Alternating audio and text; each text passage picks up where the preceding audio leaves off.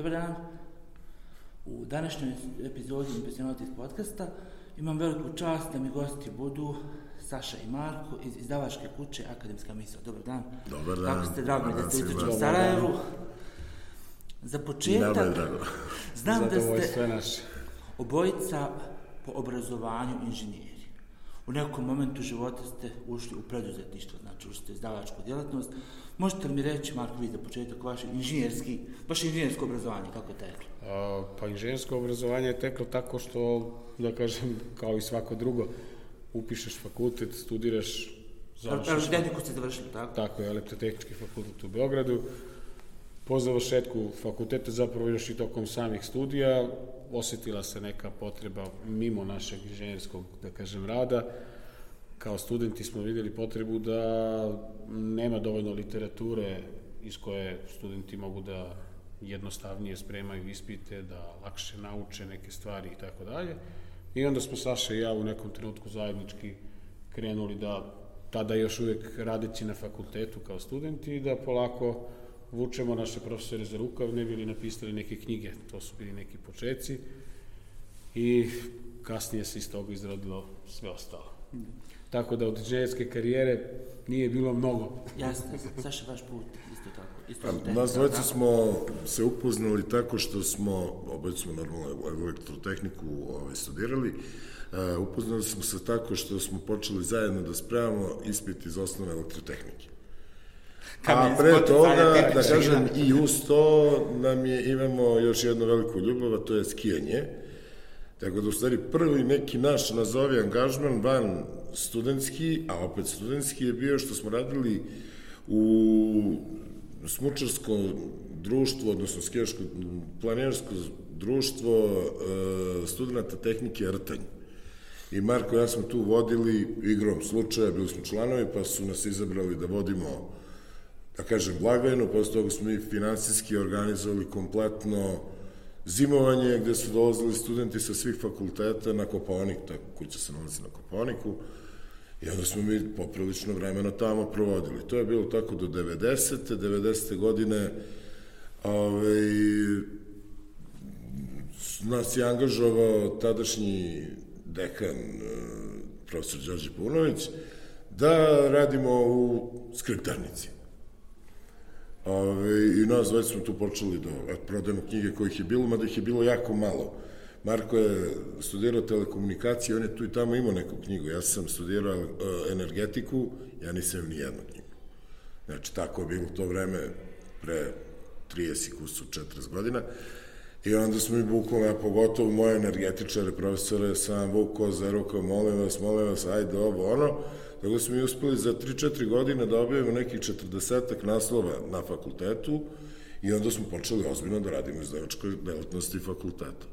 E, pošto idući tako iz godine u godinu, dobro, to su bile ona turbulentna vremena, krize, ratova, sankcija, pa sve to nije baš tako jednostavno bilo, ali po, tad su nestale neke velike izdavačke kuće koje su se bavile, bavile naučnom literaturom, tipa Jugoslovenska knjiga, naučna knjiga je još ono kao malo, ali sve manje i manje uspevala nešto radi. Na kraju ona nestala, tehnička knjiga nestala, kasnije i građevinska knjiga nestala i onda su profesori sa drugih fakulteta čuvši za naše, da kažem, mogu reći uspehe u izdavaštvu, dolazili da pitaju kako bi mogli mi da njima isto objavljamo knjige. Međutim, glupo je da ja sad kao neko ko radi na elektrotehničkom fakultetu izdajem knjigu za poljoprivredni fakultet. Recimo. I onda smo Marko i ja, ali u dogovoru sa našim tadašnjim dekanom i prodekanima, ovaj, e, napravili smo dogovor da se ništa ne promeni, da mi ostanemo tu gde jesmo, samo da otvorimo privatnu izdavačku kuću. Odmah smo sklopili sporazum sa fakultetom oko toga da mi budemo, da kažem, kao privatna izdavačka kuća, zvanični izdavač elektrotehničkog fakulteta u Beogradu, pa je onda to krenulo redom. Pa smo sada zvanični izdavač i elektrotehničkog i građevinskog, e, vašeg ovde fakulteta i još mnogih fakulteta, što kažu, i univerziteta u okruženju.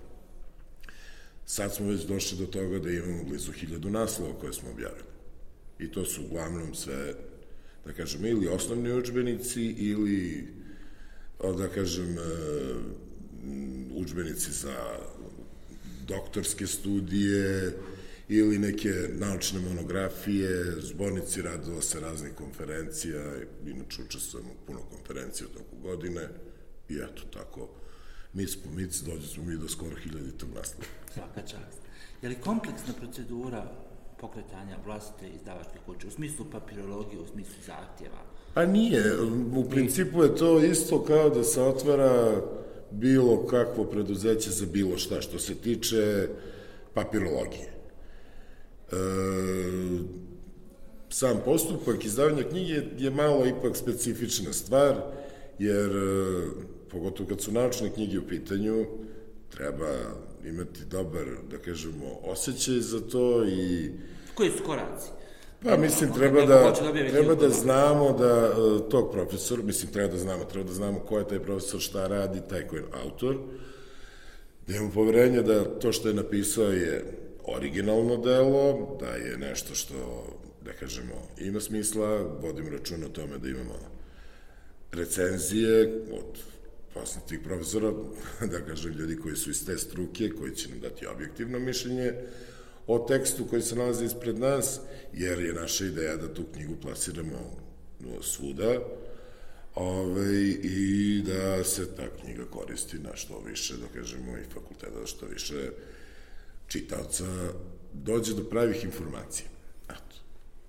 Marko, koje vrijeme je obično potrebno od toga kad vam neko preda rukopis pa do momenta objavljivanja? Pretpostavljam da zavisi od pa, mnogobrojnih faktora koji nisu samo do vas, ali generalno, obično. A, kako tako je put? Tako je, pa zavisi od toga u kom stanju se sam tekst nalazi.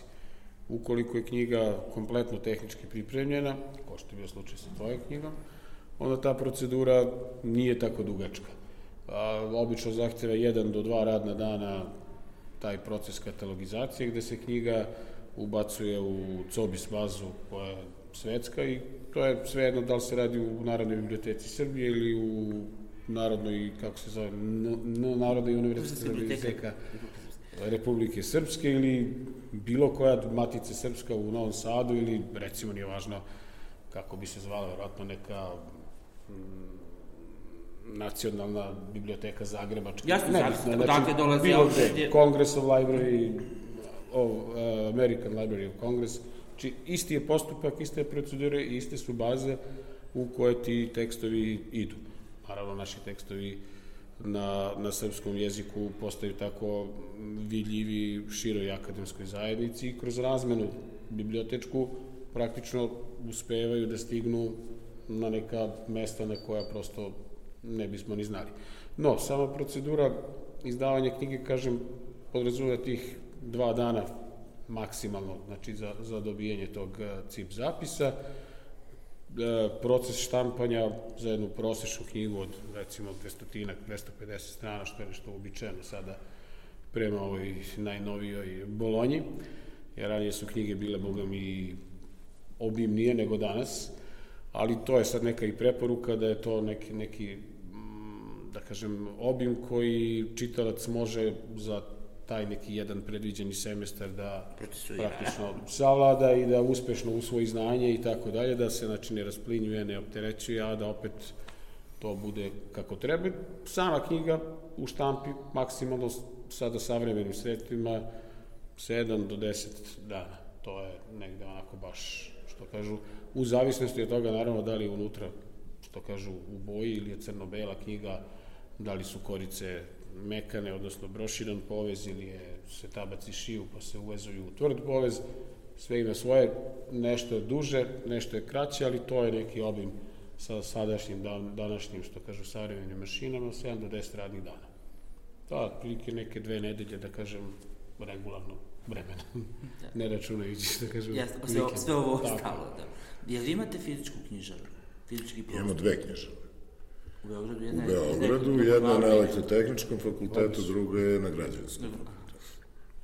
Da kažem, to je to tako. Ova prva, to je knjižara koju smo počeli da radimo još kao studenti, sad je normalno taj prostor modifikovan i šta ja znam.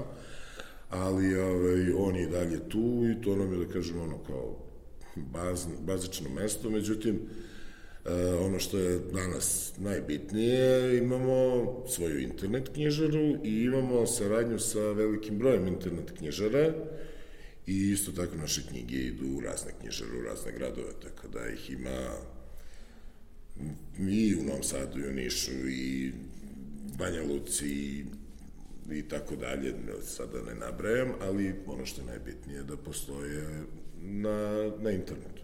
Kako funkcioniše to elektronsko izdavaštvo?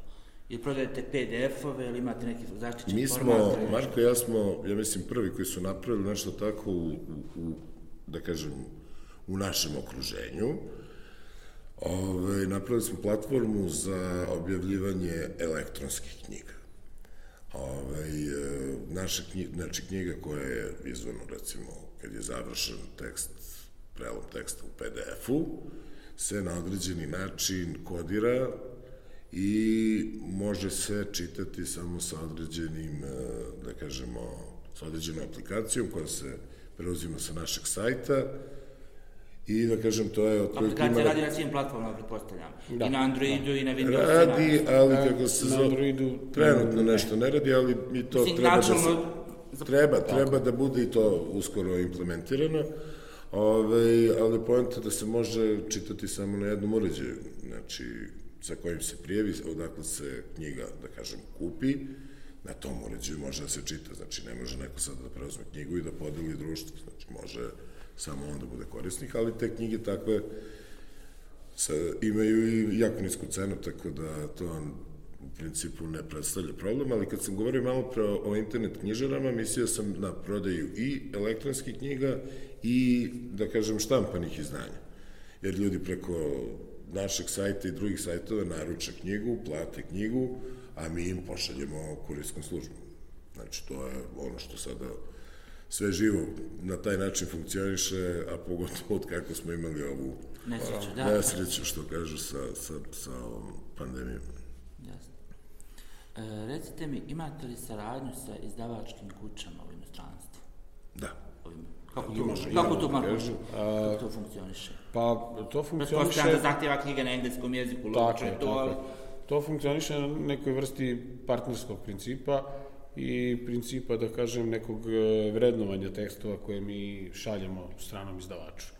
Naravno, neophodno je da tekst bude na nekom od jezika, najčešće engleskom, a, s tom stranom izdavaču s kojim, da kažem, sarađujemo konkretno Springer Verlag iz Nemačke, mi pošaljemo tekstove koji su kod nas već, da kažem, pardon, koji su kod nas već e, napisani na engleskom jeziku i nakon njihove procene da li je ta knjiga dovoljno dobra ili, odnosno, dovoljno interesantna za njih za objavljivanje, onda, da kažem, ulazimo u to neko partnerstvo u objavljivanje. Nakon toga idu nezavisne recenzije njihove koje se odrade za svaku, svaki od tih naslova i do sada smo objavili nekih 13 uh, e, knjiga sa Springerom na engleskom jeziku za ceo svet. Tako da sada radimo na nekom prošivanju saradnje, za sada je to još u povoju, sa nekim kineskim izdavačima da eventualno se naše knjige prevode na kineski i da idu i na to tržište, što verujem da bi na neki način značilo i našim autorima sigurno. To bude shared custody, jel? Dvo, pa. Dvojno. Tako nekako. Jasno. E, recite mi, jeste li ikad išli u domenu proze, književnosti i tako dalje? Da li ima, ima takvih dijela koji su objavljeni kod vas? Da li neko pokušao, kontaktirao?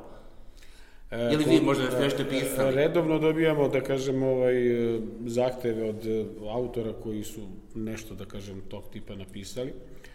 No, kako se mi bavimo prevashodno stručnom literaturom, naprosto bi bilo iz neke naše perspektive nekorektno prema onima koji su to napisali da mi sad to samo objavimo i da to tako negde stoji. Da, ljudi kad uđu na vaš stand očekuju određeni tip literature i vjerovatno sve drugo tako, je... Tako, ima nešto, da kažem, neki manji broj naslova koji su, da kažem, ali opet su na neizvestan način povezani sa naukom, tako da nisu ni klasični romani, nego su više tako neke, neke da kažem, priče na teme i tako dalje, ali ništa van toga. Jeste, jeste. Pomenuli ste brojne konferencije kojim učestvujete, koje organizujete, s kojim možete reći nešto nekim od njih?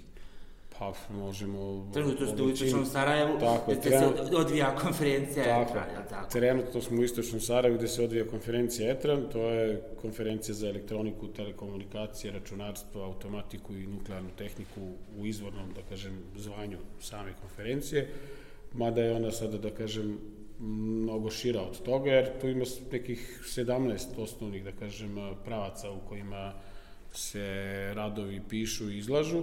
Znači, pored ovih prvih pet, tu su i elektroenergetika i biomedicinska, biomedicinsko inženjerstvo, robotika, da, kako se zove, fleksibilna automatizacija, novi materijali, metrologija, čak sad od poslednjih par godina i sesija koja, koju zovemo edukacija, bavi se pravcima u obrazovanju u inženjerskoj struci i od ove godine smo imali, odnosno od prošle godine imamo i neke najave, odnosno sada već dve godine za redom novih sesija koje se bave nekim stvarima iz oblasti heritologije, iz oblasti forenzike, digitalizacije u nauci. I ove godine po prvi put smo imali jednu multidisciplinarnu koja na određeni način pokriva više oblasti e, od e, poljoprivrede i primene nekih stvari u poljoprivredi do meteorologije i do primjene matematike u tako nekim oblastima, tako da je ta sad tek u začetku ove godine prvi put bila, vidjet ćemo da li će što kažu biti nekog interesovanja za dalje, a s obzirom da je danas jako teško razdvojiti, pogotovo u tehničkim naukama, šta je striktno, da kažem, elektronika, šta su striktno da, telekomunikacije, a sve više se, da kažem, i inače i društvene nauke, ovaj, imaju upliv u tehniku i tehnika u društvene nauke, jer svojim napretkom praktično ona proizvodi neke nove situacije koje se održavaju na, na, na celo društvo. Tako da, eto, trudi konferencija je jedna od tih. Zadovoljstvo nam je što je organizovana ovde na Univerzitetu u Istočnom Sarajevu, jer zaista je, što kažu, bila dobro organizovana, sa, sa mnogo entuzijazma, sa naprosto je bilo zadovoljstvo, da kažem, organizovati tu konferenciju ovde. I nadam se da je ona samim svojim, da kažem, prisustvom doprinila da se ta neka znanja međusobno razmene, iskustva i da, eto, možda će vremenom neki novi napredak biti.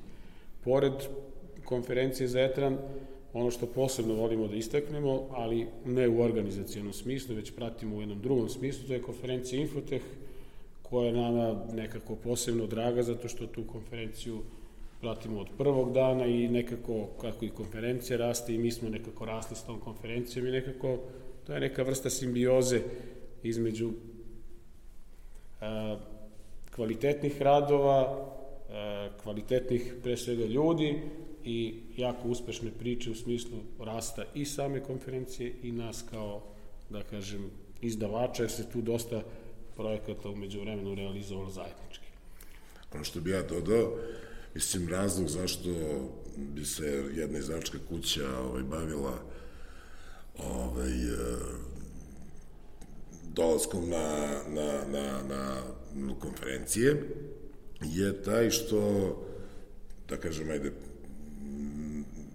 veliki broj ljudi, odnosno učesnika na konferenciji, ove, su u stvari profesori koji pišu učbenike, onda nam je zgodno da dođemo, recimo, negde da će doći profesori iz iste oblasti, iz raznih gradova, sa raznih fakulteta, gde se mi svi lepo upoznamo i dođemo do toga da se neko zainteresuje da objavi knjigu kod nas. Mislim, to nam je bio osnovni razlog zašto smo počeli da, da prisutujemo na konferenciji, na konferencijama. Tako da sad, Ove dve su nam, da kažemo, najznačajnije, prisustujemo i na drugim, kao što je recimo Telfor koji se organizuje u Beogradu, Ove, ima još nekih manjih konferencija na kojima smo mi, da kažem, svake godine prisutni, ali to, ja kažem, svi su već navikli da, će, da ćemo mi da se tu pojavimo i već dolaze sa spremnim, da, da kažem, e, knjigama za, za objavljivanje jer znaju da će tu kad već dolaze i nas da nađu i onda će moći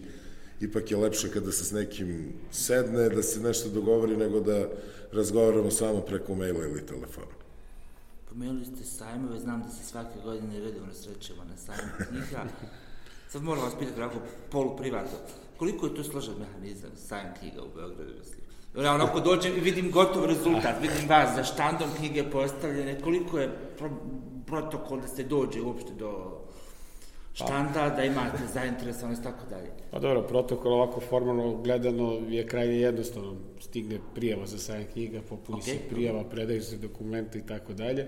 E sad, naravno, prema, prema snazi i prema obimu koji određeni izdavač ima, određuje se i količina, odnosno veličina prostora koji svaki od izdavača dobije. Mi uglavnom nismo zadovoljni veličinom koju imamo, iako ovako to izgleda prilično veliko, ali svesni smo da sajam ima određene konačne dimenzije i da prosto Mora, ne mora, neko vas je uklopio u to. Tako je, mora, moramo se uklapiti. Na mnogim sajmovima se prodaje bukvalno, mislim, odnosno iznajmljuje bukvalno kvadrat i sad koliko ti hoćeš, on svakako im ostane još brdo kvadrata nepopunjenih. Evo, kad je sajam knjiga u pitanju, tu je kvadrat ogroman. gori od stabla, gori od poslovnog prostora. Nije problem ni koliko košta, nego je problem što ih, ima, što ih nema dovoljno. Tako da, koliko god da je, uvijek nema dovoljno. Da, nekako je u posljednje vreme ekspanzija izdavaštva, digitalnog izdavaštva i konferencija. Tako je. E, kako odaberete, pomenuli ste 3-4 konferencije na kojima ste redovno, pretpostavljam da se krećete po drugim, kako odaberete konferenciju? Imate li neki detektor u glavi ili negde? Da vidite je li nešto dobra pa, priča, je, ma, nama, početna priča, nešto što vidi podržati, nešto što je šuplja, nešto nekad neko napravi konferenciju samo da bi u vlastite svrhe da bi publikovao nešto i, i, ne, i napravi interne referencije. To, kako to detektujete? A nas pozivaju sada već, dobro, sad već posle 30 i nešto godina ovaj, rada u, u izdavaštvu sad nas ljudi zovu da prisustujemo na, na nekim konferencijama, pa onda mi što bi rekli, izvagamo da li imam, ima smisla otići ili ne, jer ipak kada se ode negde, da kažemo, na 3-4 dana, to je sada već, da kažem, napor treba poslati ljude, poslati, spremiti robu, platiti smešta i, i tako dalje. Putovati znači, na kraj kraja. Putovati, to ima svoje troškove i sad treba da se izgleda da, da li ima smisla, nema smisla da se ide. Mi smo sad zadnjih, da kažem, godinu da išli neke građevinske ove, konferencije, na medicinske konferencije i, da kažem, sve to bilo jako, jako uspešno i bilo je dobro. Mislim, pokazalo se da nismo pogrešili. Ne kažem, bivalo je i da bude pogrešna procena, ali vrlo redko. Pa dobro, desi se da, što kažu, nije, da kažem, uslovno taj finansijski efekt uvek primaran.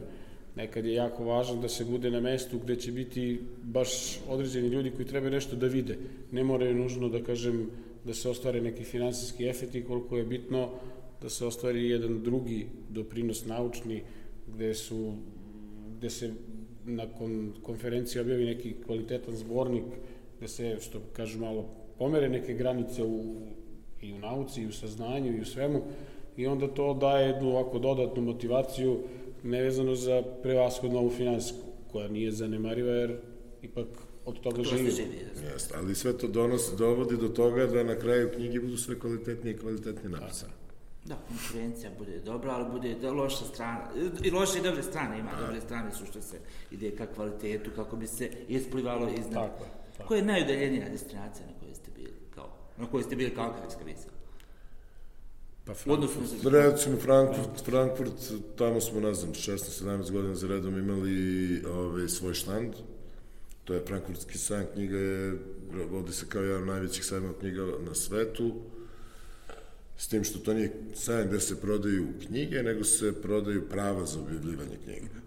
I ove, jedno smo išli tamo da plasiramo knjige naših autora, to je bilo pre svega, da kažem, naš, da kažemo, Neka naš plan, misija. naša misija na, to, na tom sajmu i mislim da smo dosta dobro to uspeli, da kažem, ono što smo hteli, da smo to uspeli koliko je bilo moguće i da ostvarimo, da bi nije bilo nekih svetskih kriza i tako dalje, koje su dovele do toga da se, da se mnoge velike izdavačke kuće svetske zatvorile, jednostavno nestale, pregrupisale i tako dalje, možda bi bilo i uspešnije, ali kažem, nismo nezadovoljni, ovo bilo sa svim, sa svim ok, ceo svet sad zna za nas i, ove, i onda non stop dobijamo neke da kažem ajde, mailove, odnosno pozive za neku saradnju sa raznim izdavačima iz celog sveta, pa sad mi razgovaramo, to sve normalno ne, nije baš nešto da se desi za pet minuta, za bilo kakav dogovor potrebno je godinu dve. Znači, ja. Ali ja se usuđujem reći kao civilno lice koje je u inženjerskom okruženju još 20 godina, zahvaljujući poslu koji radim, da je naše inženjersko obrazovanje kao za ostavština sistema gosta i kvalitetno.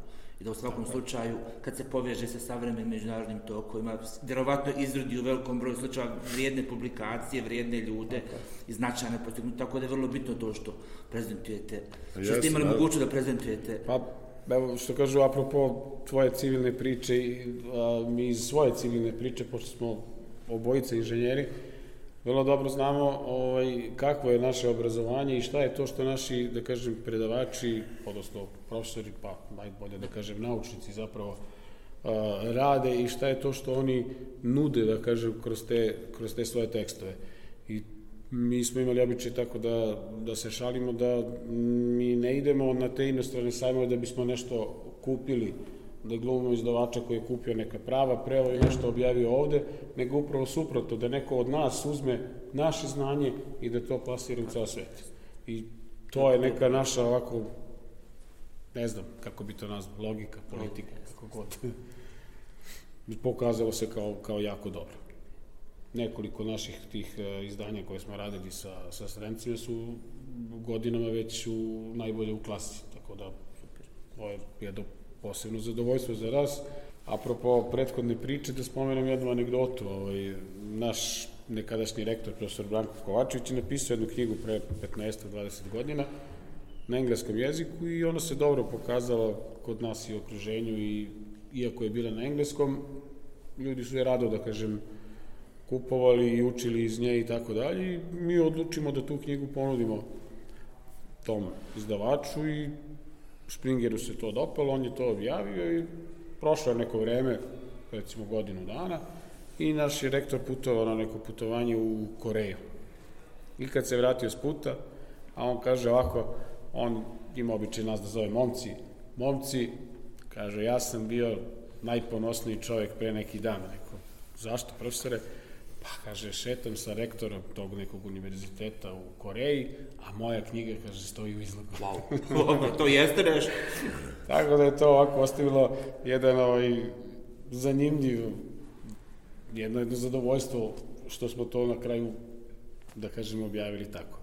A onda smo imali opet još jednu zanimljivu priču predno tri godine, čini mi se, tik pred koronu, e, pošto smo mi praktično jedini srpski izdavač u, Frankfurtu sa svojim izvornim štandom, znači nije to opcija da je jedan paran na kome su zalepljene nalepnice pa su kao neki izlagači, nego smo fizički bili prisutni tamo i sad sa mnogima smo imali kontakte i pojavio se neki kineski izdavač koji je bio zainteresovan, ali ne za stručnu literaturu, nego za dela Miroslava, Milorada Pavića.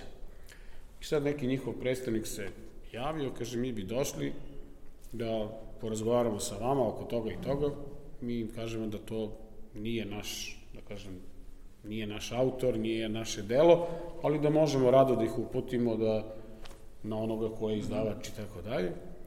A onda su oni rekli, ne, ne, mi baš hoćemo da pričamo sa vama nevezano za to i prosto taka i taka stvar. Naše prostore gde, što kažem, mi obitavamo nisu tako velike, ali zato njihova delegacija je bila jako velika. Oni su se najavili, kaže, dolazimo tog i tog datuma, ne znam, i njih, kaže, dolazi, ne znam, 15. I sad smo mi bili u čudu kako da njih 15 primimo u našu malu kancelariju. Mislim, malu, za 15 ljudi definitivno malu. E, srećan nam je tu izašao u susret elektrotehnički fakultet, i onda smo ih primili u, u, u što bi rekli, sobi dekanskoj, gde je bilo prostora za sve to. I onda su oni razmenili, što kažu, i kontakte, i iskustva, i priče, i mislim da su se čak umeđu vremenu kasnije i pojavile neke knjige na kineskom jeziku, nevezano za nas, ali i ostala je ta oko lepa priča da ih je, da je došlo njih 15. Jasno, da oni su masovni kao, i kao populacija, i kao... Ne znam, meni je vaša djelatnost jako važna, evo radim na univerzitetu 20 godina i meni se ovaj trend lista i obaveznog objavljivanja u inostranstvu na nekim listama koji su u principu vlasništvo privatnih kompanija, to je dobro u redu, treba da se vidi međunarodno rad, ali nekako, vi ste mi kao čuvar domaćeg izdavaštva.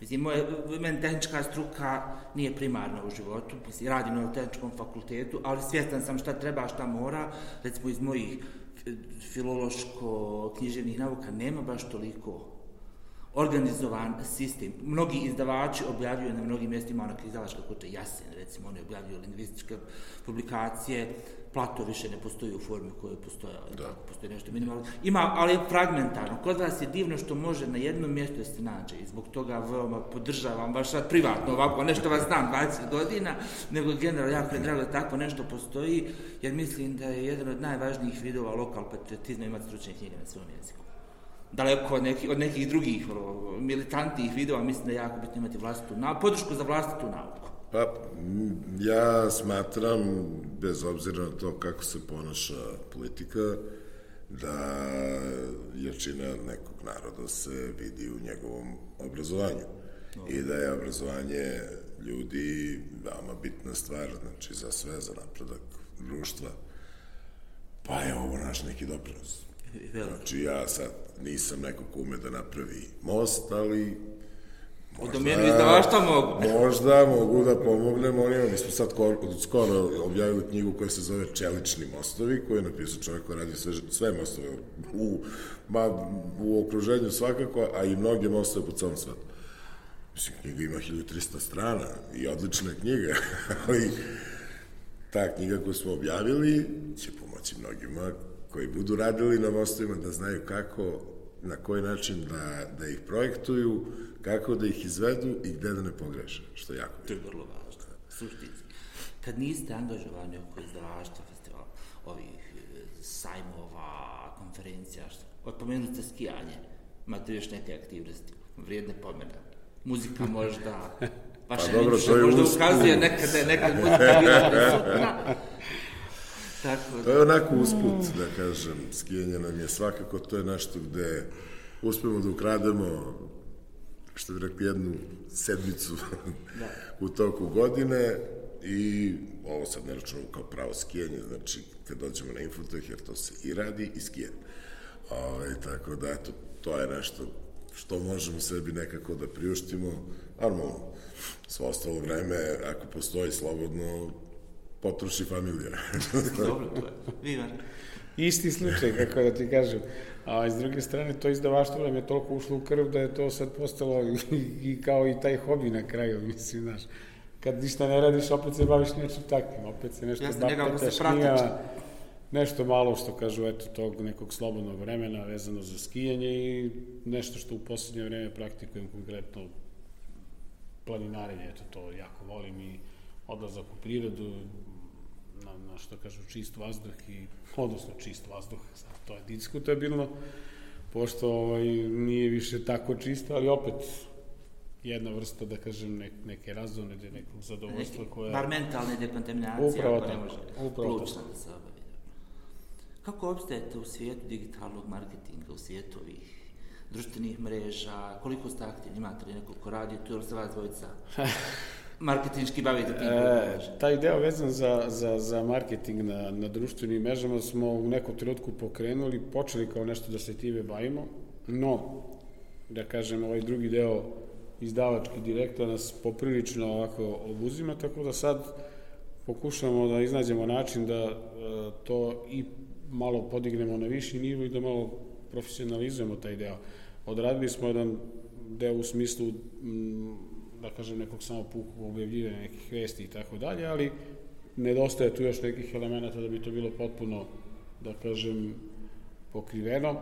Ono što, da kažem, s druge strane nama i jeste neka vrsta prednosti što najčešće korisnici naših knjiga su već e, dovoljno obrazovani da vrlo brzo kroz neki vid pretrage dođu do onoga što im treba. Imate word of mouth, vas tako, poruči jedan ka drugom. Tako da, tako da iz te strane nismo osjećali neku preteranu potrebu da sad nešto posebno širimo, jer mi nemamo proizvode koji su namenjeni širokim narodnim masama. Pa Isti sad, klincima koji prate Da. društvene mreže. tako, sad da pred malo reklamiramo zubnu pastu ili ne znam šta, Jeste. što je za milione ljudi, jer knjige koje mi radimo, objektivno, par stotina ljudi može da razume. Da se sad neko ne uvredi, ali tako? Da, on su ciljna grupa, da, baš knjige su usko Tako je, tako je. I onda prosto ti koji znaju već u akademskoj znaje, u zajednici su dovoljno dobro informisani da je akademska misao tu i nema više što kažu. Mislim, svakako ne treba zanemariti tu priču, ali Da, ali u našem slučaju je specifična, nije, da kažem, Primarna. nije primarna stvar. Vi ste postigli naj, najvažniji marketing, da se neko vas preporučuje nekom drugom, da se zna da postojite, da se Upravo to tako. Ono što Da se računa na vas. Na, na čemu smo stvar. insistirali, to je, da kažem, kvalitet u smislu sadržaja i kvalitet u smislu, da kažem, finalnog proizvoda. Tako da, I pouzdanost u saradnju, što će mogu sam To- da svjedočim. to svakako. što je vrlo važna stvar, taj ljudski faktor. A i u načelu, da kažem, vezano za marketing, mi smo počeli, poslom se bavimo mnogo pre no što je postojao digitalni marketing. Marko i ja smo u početcima, da bi se čulo za nas, išli bukvalno na svaki fakultet. I na svakom fakultetu smo bili prisutni, ako nema neke konferencije ili nečega što tamo dešava, mi dogovorimo da budemo dva dana u hodniku sa knjigama, da studenti koji dolaze na predavanje vide da postoje te knjige. Bez obzira da li će neko nešto kupi ili neće. I onda se svakako desi da biblioteka kupi neke knjige, mi čak smo i poklonjali bibliotekama naše knjige, da samo studenti vide da to postoje, ali to je bilo stvarno da. To je bila društvena mreža uživo. Pa to je bilo, ste nije postojao drugi kontakte način. i umrežavanje fizičkim I prisustvom. bukvalno smo bili na svim fakultetima, tako smo došli prvi put i ovde, i u Banja Luku, i na mnoge druge fakultete, na sve fakultete po, po Srbiji, gde god, znači on, i Novi Sad, i Niš, i, a i u Suboticu smo išli, i ne znam, gde, Čačak, sad mi više i ne pada, Novi Pazar, znači svuda smo bili, ovaj, svuda ima naših knjiga i tako da kažem, posle toga nismo više išli tako često, osim kada nas pozovu i, ovaj, i tako su svi lagano saznali da mi postojimo, da, da mogu da nađe to što njima treba kod nas. Sad kad je došlo vreme, da kažemo, o, malo ipak drugačije i marketinga i svega, nismo imali osjećaj da moramo sada pošto poto da to ovaj, uradimo, ali svakako je bitno da se vidi, da, znači da svako malo negde nekome nešto iskoči, pošto smo svi počeli da maksimalno gledamo u telefon i, i računar. Ja sam juče prvi put pogledao, ima ona aplikacija Wellbeing na telefonu, Digital Being tako nešto. Iskontio sam prvo četiri po sata Pa. Četiri i po sata mog budnog vremena. Pa, Četiri i po sata je bio upaljen ekran, recimo. Ne ne znam ćemo to tako. To je baš strašno. pa strašno je, da ti kažem, i Mada ja i čitam preko telefona. strašno je i za oči. Znam, znam. Ja obično čitam jednu knjigu na telefonu, drugu na Kindlu, treću uživo, zavisno mi je koja. U tom momentu, tako da sad se čitam na telefonu. Dobro, hvala vam na odvojenom vremenu. Znam da Šta, je bilo naporno, hvala. dva, tri Hvala dana. i tebi na- hvala na na prijatnom razgovoru. Vidimo se uskoro, čujemo se uskoro u Tako je, poslovnom tako je. smislu, a vidimo se Naj, naj, na sajmu najkasnije, knjiga. najkasnije na infoteku. Vidimo se na sajmu knjiga prije toga. E, može. Odlično. Hvala. Odlično. Paži, prijetno.